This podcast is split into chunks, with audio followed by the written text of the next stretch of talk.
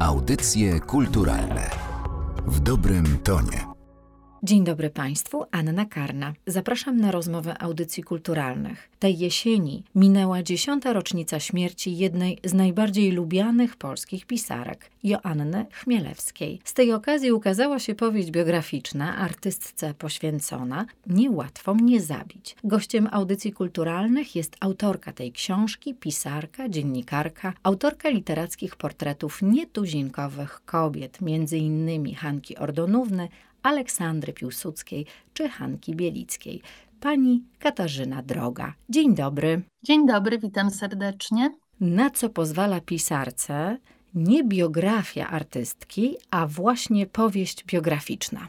Zawsze mówię, że to trochę taki mm, sprytny gatunek, bo wiele rzeczy ułatwia, pozwala na wyobraźnię, pozwala na tworzenie scen, dialogów, na odtwarzanie epoki dzięki narracji, pozwala na to, żeby na przykład niekoniecznie, tak jak biograf, który pisze dzieło rzeczywiście historyczne, dokumentalne, trzyma się zwykle od urodzin aż po ostatnie dni i śmierć swojej postaci i musi mieć udokumentowany każdy fakt, to powieść ma swoje prawa i pozwala na to, żeby pewne rzeczy dobudowywać. Oczywiście, że autor powieści musi trzymać się faktów, nie może nas myśleć, napisać fantazji, ze względu na to, że straciłby zaufanie czytelników. Czytelnik, który sięga po powieść biograficzną, chce dowiedzieć się jednak czegoś o tej postaci prawdziwego, ale z drugiej strony jest ten urok fabuły, że oparta o fakty, o o na przykład pamiętniki, czy o sposób mówienia, który mogę dostrzec w wywiadach, których udzielił bohater. Budują rzeczy prawdopodobne, takie, które miały miejsce, ale jednak w sposób literacki. Można wówczas sięgnąć po opis stroju. Może nie tańczyła akurat w danym dniu,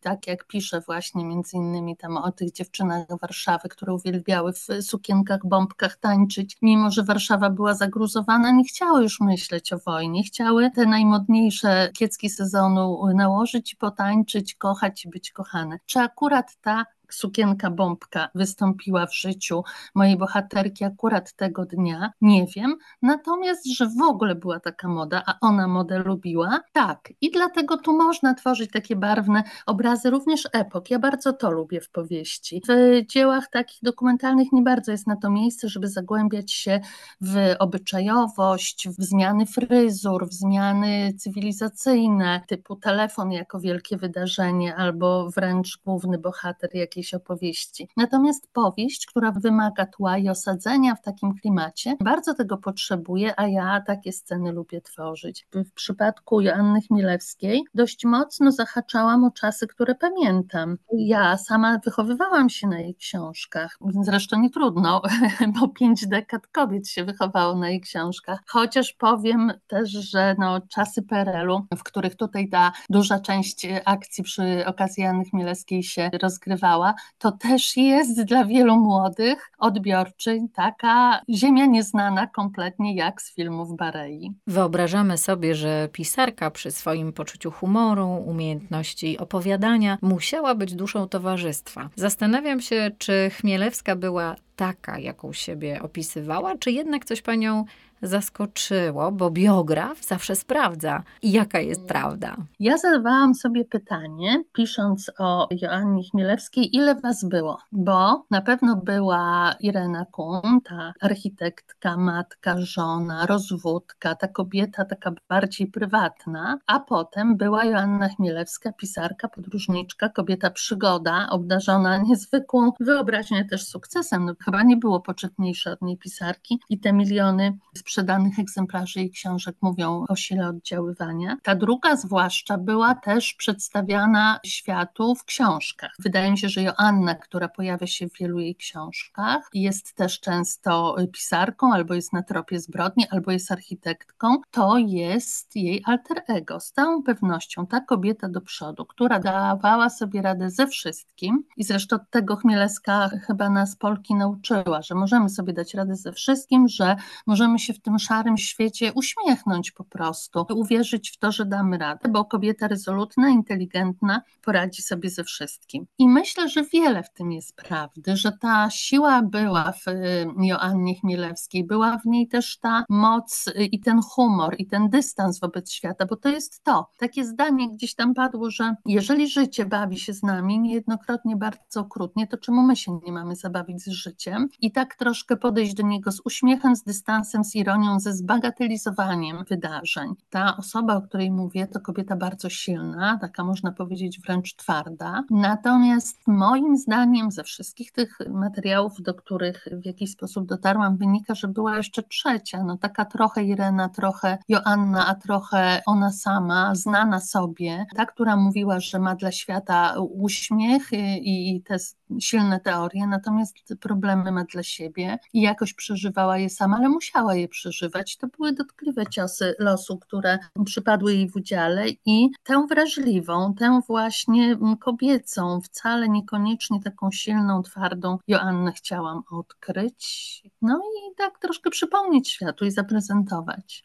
Na tych ponad 300 stronach przekonujemy się, że Joanna Chmielewska, a wcześniej Irka, bo tak miała na imię, miała bardzo intensywne życie. Ten pierwszy moment, kiedy my spotykamy się z bohaterką, to nie są wcale narodziny czy wczesne dzieciństwo, bo pani tę powieść zaczyna od lat 60., a więc e, kiedy to Irena Kun była trzydziestolatką.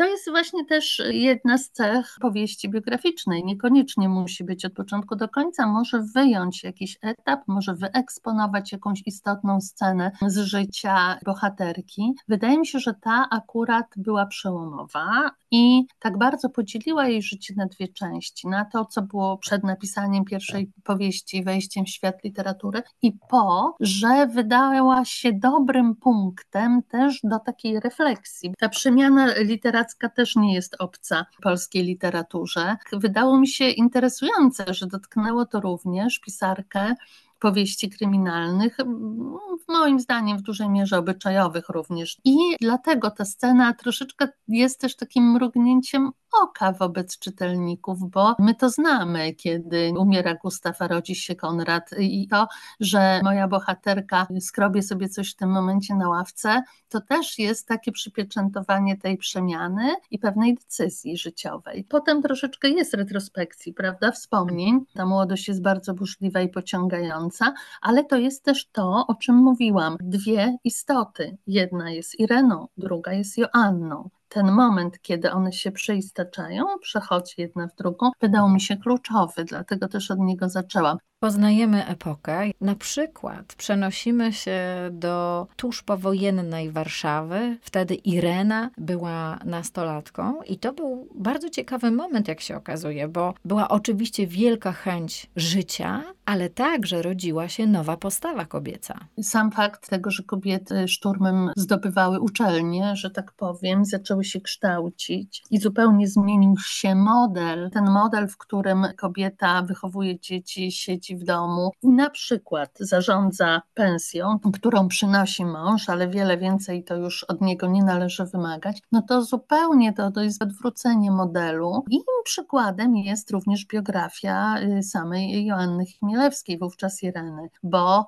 decyduje się na studia, decyduje się na to, że na studiach ma dziecko bardzo szybko, więc studiuje, wychowuje. To były też czasy, w których dziewczyny studiowały na przykład architekturę, medycynę w dużej mierze, że zostawały również inżynierkami. Zresztą Chmielewska za jakiś czas też takie uprawnienia zrobiła. Rzeczywiście bardzo się to wszystko zaczęło zmieniać. Warszawa była morzem ruin wtedy, ale one chciały żyć. Całe to pokolenie nie chciało mówić o wojnie. Nawet w autobiografii Chmielewska w którymś momencie pisze: Wojna, niech ją szlak trafi, nie będę o niej mówić, nie będę do niej wracać. Więc to, to zaczynało się nowe życie, ale nawet z racji tego, że wszystko było potrzebne, każde ręce były potrzebne do pracy, to zmieniła się ta rola kobiety, bo brały udział w odbudowie, tak, brały udział w tworzeniu tego nowego świata. To na pewno był taki zakręt historii, który odmienił modele rodzin, postrzegania kobiety, pracy kobiet. Poznajemy życie prywatne Ireny Kun i to, co dziś trudno nam sobie wyobrazić, to warunki, w jakich wtedy ludzie mieszkali w latach 50. Jak wyglądał dom Irki? To też jest taka rzecz dziwna w tej chwili z, z perspektywy nas, pokolenia przyzwyczajonego do tego, że ma się własny pokój czy mieszkanie. To były sytuacje zresztą słynnego kwaterunku, tak, kiedy dokwaterowywano, ponieważ był przydział iluś tam metrów na głowę, jak był za duży, to można było dokwaterować lokatora, no bo nie było mieszkań, no były ruiny i nie ma już mieszkań własnych, twoje było czy nie twoje było, teraz mam tyle osób tutaj mieszkać i już. I w pewnym momencie i tak jest wielkim szczęściem, że rodzina mieszka y, w tych osób sześć, ale sami swoi, na kilku metrach kwadratowych. Było to mieszkanie rodziców, tam była wielopokoleniowość, bo jej rodzice, przyjeżdżała babcia i przyjeżdżała ciotka, która nocowała i druga ciotka przez jakiś czas mieszkała, a także ona z mężem i, i małym dzieckiem. No więc pragnienie własnego kawałka podłogi było bardzo silne i kiedy zdobywają pierwsze mieszkanie, tam jest jeden pokój. Mhm. Jedyne co ma, to bardzo zapuszczoną podłogę, ale dębową. I Irena klepka po klepce żyletką własnoręcznie czyści tą podłogę, żeby doprowadzić ją do pięknego stanu. Dla mnie to jest taki akt właśnie pokazujący raz tamte czasy, pewną mentalność, umiejętność radości z rzeczy, no jeden pokój, mój Boże, tak, co byśmy dziś powiedzieli, i rodzina, a także tego własnego kreowania świata, bohaterki, kobiety, jaką była Chmielewska, ona ten świat brała w ręce, przetwarzała narzędziami, jakimi miała, jak mogła najlepiej, najbardziej, a także upiększała. I potem już wielkie halo, dwa pokoje i dwa pokoje, w których mieszka z mężem, z dwójką dzieci, które jest na trzecim piętrze, bez windy tam trzeba wnieść zakupy, węgiel, ponieważ opalanie tego mieszkania jest tradycyjne, czyli na piece. Bardzo długo, chyba dopiero w latach 80. udało się je wyremontować i zmienić to opalanie, ale te dwa pokoje to już jest luksus, to już można pracować, to już nie musi być tak, że na środku pokoju jest stół, który służy do spotkania rodziny przy posiłku, ale potem jest jej miejscem pracy, na jakichś tomiszczach stoi lampka, tutaj jej deska kreślarska, tak, i jakoś jeszcze jest problem odsłonięcia światła, bo przecież obok śpią ludzie, a ona musi w nocy pracować. To były takie warunki, ale ona je zawsze opisywała właśnie z tą swoją filozofią dam radę, jest lepiej przy użyciu dużej ironii w opisywaniu tego świata. Sposób, w jaki pani opisuje Jannę Chmielewską, pozwala nam poznać jej charakter, a nawet więcej temperament. Dam radę, w końcu jestem z rodziny silnych bab. Nie z takimi rzeczami radziłam sobie śpiewająco.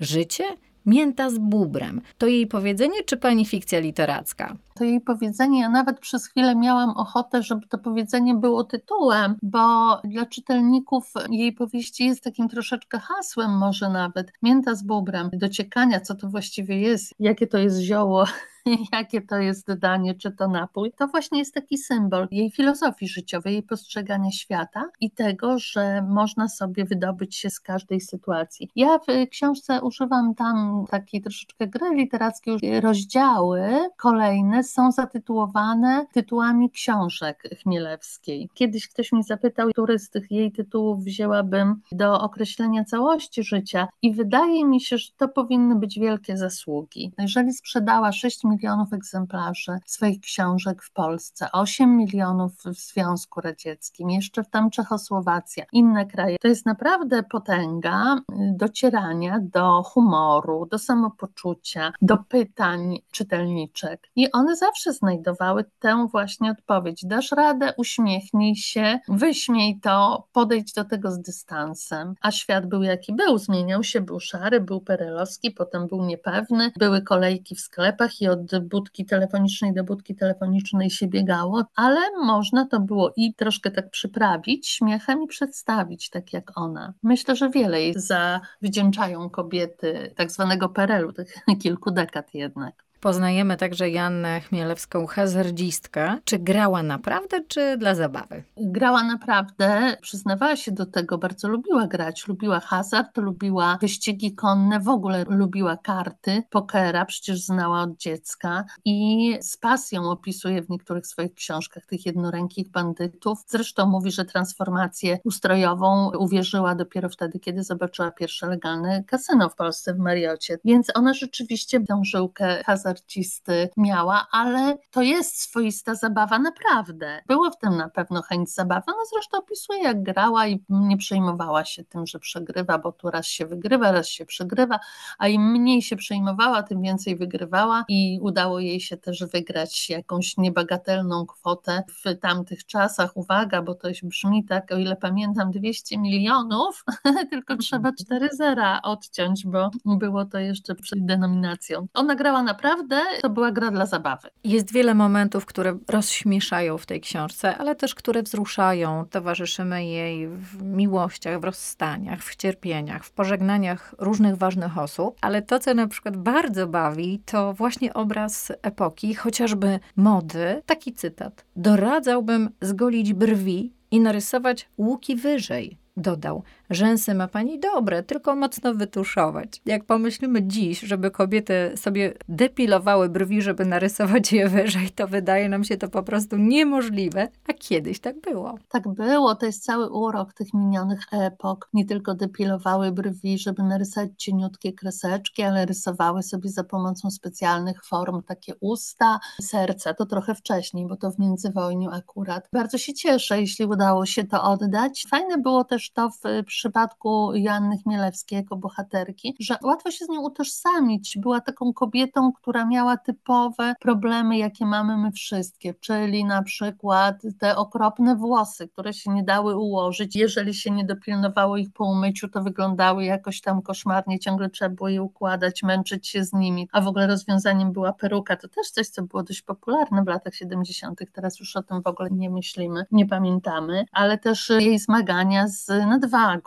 To też jest taka rzecz y, bliska kobietom. To, że lubiła ładne stroje, że jednak to podążanie za modą było takie widoczne. Wydaje mi się, że to stwarza też taką postać bliską, po prostu bliską nam. Nigdy nie być rozsądną, nigdy nie zostawić bałaganu w domu i nigdy nie wychodzić za mąż. To trzy postanowienia Joanny Chmielewskiej. Skąd się one wzięły, to już Państwo przeczytają w książce. Które z tych postanowień, patrząc na życie pisarki, lubi Pani najbardziej? Powinnam powiedzieć, że nigdy nie być rozsądną, dlatego że to się jej sprawdzało. Ilekroć y, podeszła do sprawy racjonalnie i zrobiła tak, jak powinno się zrobić, to zawsze coś nie wypaliło. A kiedy mówiła, sama pisała, że ta decyzja jest tak absurdalnie niewykonalna, że w tym właśnie upatruje możliwość jej sukcesu i to się sprawdzało. Ale ja bardzo lubię to, żeby nigdy nie zostawiać bałaganu w domu. Zachęcam do przeczytania dlaczego, a myślę, że, że to jest taka bardzo właśnie